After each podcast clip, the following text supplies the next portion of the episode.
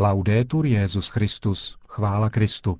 Posloucháte české vysílání Vatikánského rozhlasu v neděli 30. května.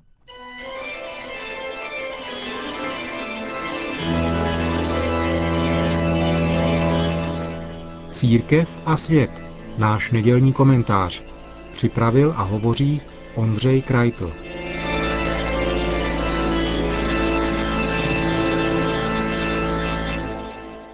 Po více než roce předvolební kampaně došlo konečně i na volby samotné. Zaplať pán Bůh, chtělo by se zvolat, konečně bude klid. No, snad opravdu vznikne silná vláda a snad opravdu vydrží celé volební období. Bylo by možné přát si ještě leco z dalšího, ale novoroční přání už odezněla a novoparlamentní sliby většinou zmizí s prvním hlasováním. Pokusy o analýzu možného politického vývoje naší země připomínají věštění z kávové sedliny, neby v nich příliš mnoho neznámých. Nabízím tedy alespoň několik osobních postřehů k letošním parlamentním volbám. Z pohledu křesťana je asi nejdůležitější zprávou letošních voleb to, že se do sněmovny nedostala strana hlásící se k ideálům křesťanství už svým názvem. Řekněme rovnou, že to není vůbec žádná tragédie. Proč? No třeba proto, že křesťané se nacházejí i v jiných stranách, byť ne v takové množství, a pokud svou víru žijí, hlásají Krista. To ostatně mohou i bez politické funkce, každodenně v rodině či v zaměstnání. Křesťané se nadále podílejí na veřejném životě na úrovni politiky regionální i evropské. Politiků řídících svůj život podle křesťanských hodnot a ctností, podle víry v Boha, bylo a je v naší zemi minimum. Je dobré, že jejich hlas zazníval u ožehavých témat, ale výčet křesťanských politických úspěchů za uplynulých 20 let je dost chudý. Navíc, jak dosti pesimisticky píše kolega František Schildberger, bylo by naivní, kdybychom si mysleli, že ve společnosti, která se prudce řítí dolů po kluském svahu, by křesťanští politici mohli něco víc, než jen celkově negativní vývoj tu a tam trochu časově zbrzdit. Za čtyři roky budeme vědět, jak se vymizení křesťanské strany z naší politické reprezentace podepsalo na společnosti. A uvidíme také, zda vůbec nějaké volby ještě budou. Pokračuje totiž sestupný trend volební účasti. Necelých 63% voličů v době důležitých ekonomických rozhodnutí, která ovlivní naši společnost na dlouho dopředu, svědčí o smutné pasivitě a nezájmu o budoucnost. Ano, řada politiků je skorumpovaných či jinak zkompromitovaných. Ano, vhozením volebního lístku do urny se toho příliš nezmění, ale jde přece o princip demokracie. Nelze než souhlasit s nadšenými výkřiky některých komentátorů o překreslování volební mapy. Jen se sluší dodat, že tato mapa připomíná kusy z objevitelských dob, kdy většinu území tvořila bílá pod nápisem Zde jsou lvy. Pokud skutečně vznikne předpokládaná koalice ODS, TOP 09 a věcí veřejných, bude to neprobádané území nebezpečných šelem. Větší část této koalice totiž tvoří lidé, o nichž víme jen to, že se pěkně usmívají a na plagátech vypadají dobře. Zajímavou předvolební kampaní byla aktivita skupiny umělců, která upravila vstup do sídla KSČM v ulici politických vězňů tak, aby ze sklepních okének a dveří vytékala červená barva symbolizující krev komunisty umučených a zavražděných lidí. Když se barvu podařilo odstranit, nastoupila druhá umělecká skupina s nesmitelnou červenou a vyzdobila vstup do komunistického paláce natrvalo. Možná by to celé mohlo připomínat dětinskost a vandalství než umělecký akt nebo veřejné gesto, kdyby se novopečenou poslankyní za KSČM nestala 50-letá soudružka učitelka základní školy v Praze Marta Semelová. Tato dáma proslula již před volbami v roce 2006, když prohlásila, že v 50. letech byli souzeni jen ti, co se opravdu provinili. Tehdy také obhajovala Klementa Gottwalda a ze škol vykazovala dokumenty o procesu s Miladou Horákovou. Kovaná stalinistka nesklamala ani letos. V předvolebním rozhovoru pro hospodářské noviny v souvislosti s násilným vyvlastňováním majetku českých a moravských sedláků pronesla. Kolektivizace byla v zájmu prostých lidí. Bylo to období, kdy vznikala velice úspěšná zemědělská družstva. V tom, že lidé tehdy třeli bídu s nouzí, se Semelová nemílí. Jen jak si typicky komunisticky zapomíná dodat, že do této bídy dovedla zemi vláda jejich soudruhů. Těšit nás může, že i přesto, že získala KSČM stejný počet mandátů jako posledně, hlasů jí ubylo. Očividně tedy členská základna vymírá a noví vyznavači rudé hvězdy se nerodí. A to je dobrá zpráva.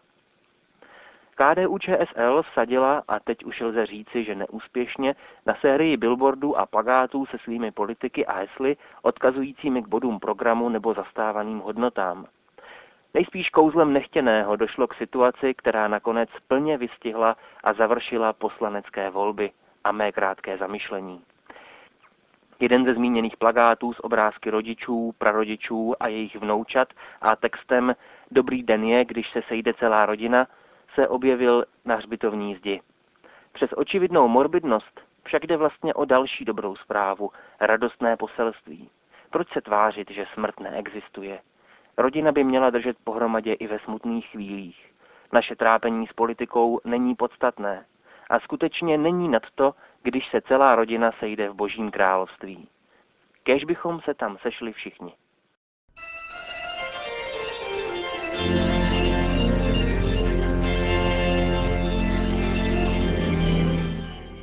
To byl náš nedělní komentář Církev a svět.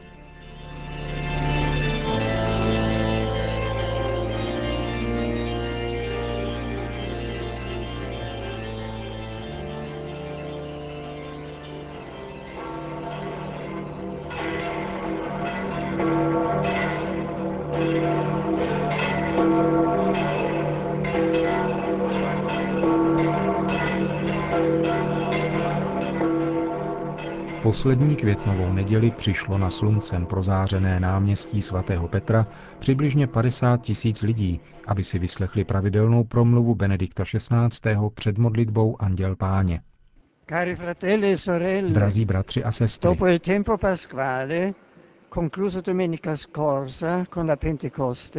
po velikonoční době, která se skončila letnicemi minulou neděli, se liturgie vrátila k takzvanému mezidobí, Neznamená to však, že by tím mělo polevit nasazení křesťanů.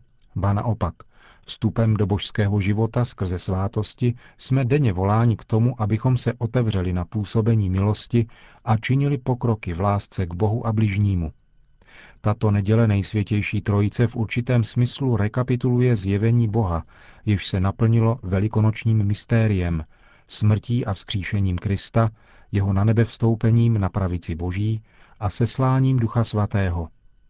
Lidská mysl a řeč nedovedou adekvátně vysvětlit vztah, který existuje mezi Otcem, Synem a Duchem Svatým.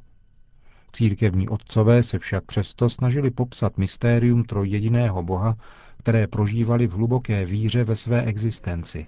la Trinità Divina infatti prende dimora in noi nel giorno del battesimo, Božská trojice si totiž dnem našeho křtu činí příbytek v nás. Já tě křtím, říká vysluhující, ve jménu Otce i Syna i Ducha Svatého. Jméno Boží, ve kterém jsme pokřtěni, si připomínáme pokaždé, když se označujeme znamením kříže. Teolog Romano Guardini v souvislosti se znamením kříže podotknul, Konáme jej před modlitbou, aby nás duchovně uspořádalo a byli jsme myšlenkami, srdcem a vůlí soustředěni v Bohu. A po modlitbě, aby v nás zůstalo to, co nám Bůh dal. Objímá celé naše bytí, tělo i duši. A všechno je tak zasvěcováno jménu trojjediného Boha. Nel segno della e l'annuncio che genera la fede ispira la preghiera.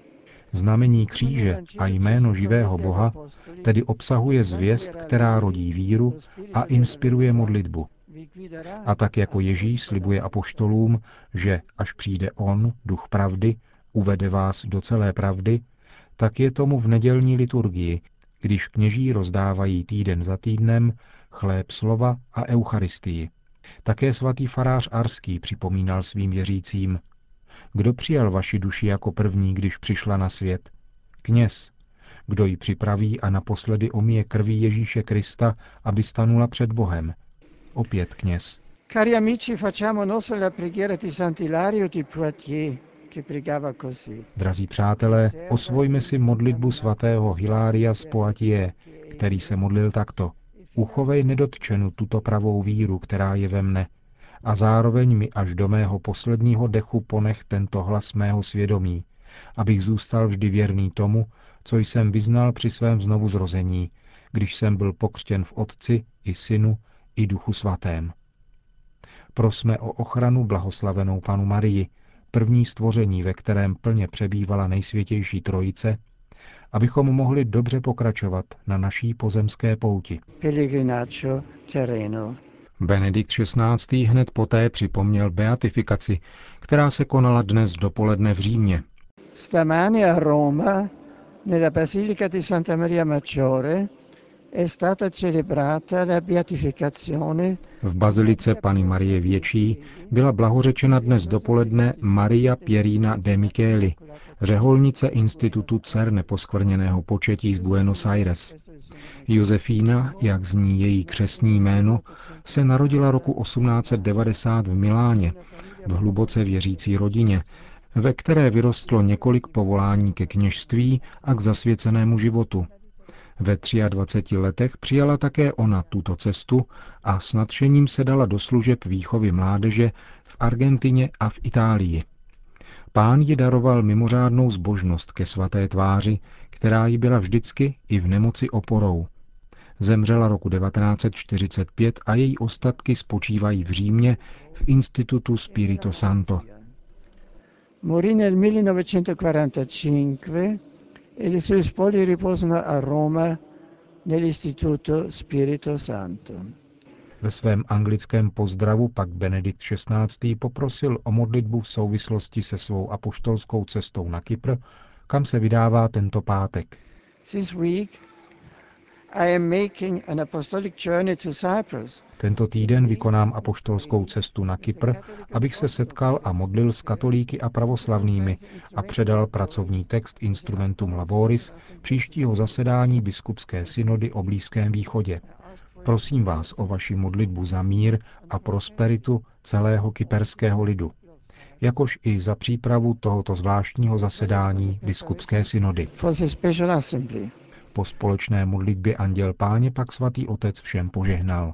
Sit nomen Domini benedictum, ex hoc nunc edusque in seculum, adiutorium nostrum in nomine Domini, qui feci celum et terra, benedicat vos omnipotens Deus, Pater et Filius et Spiritus Sanctus.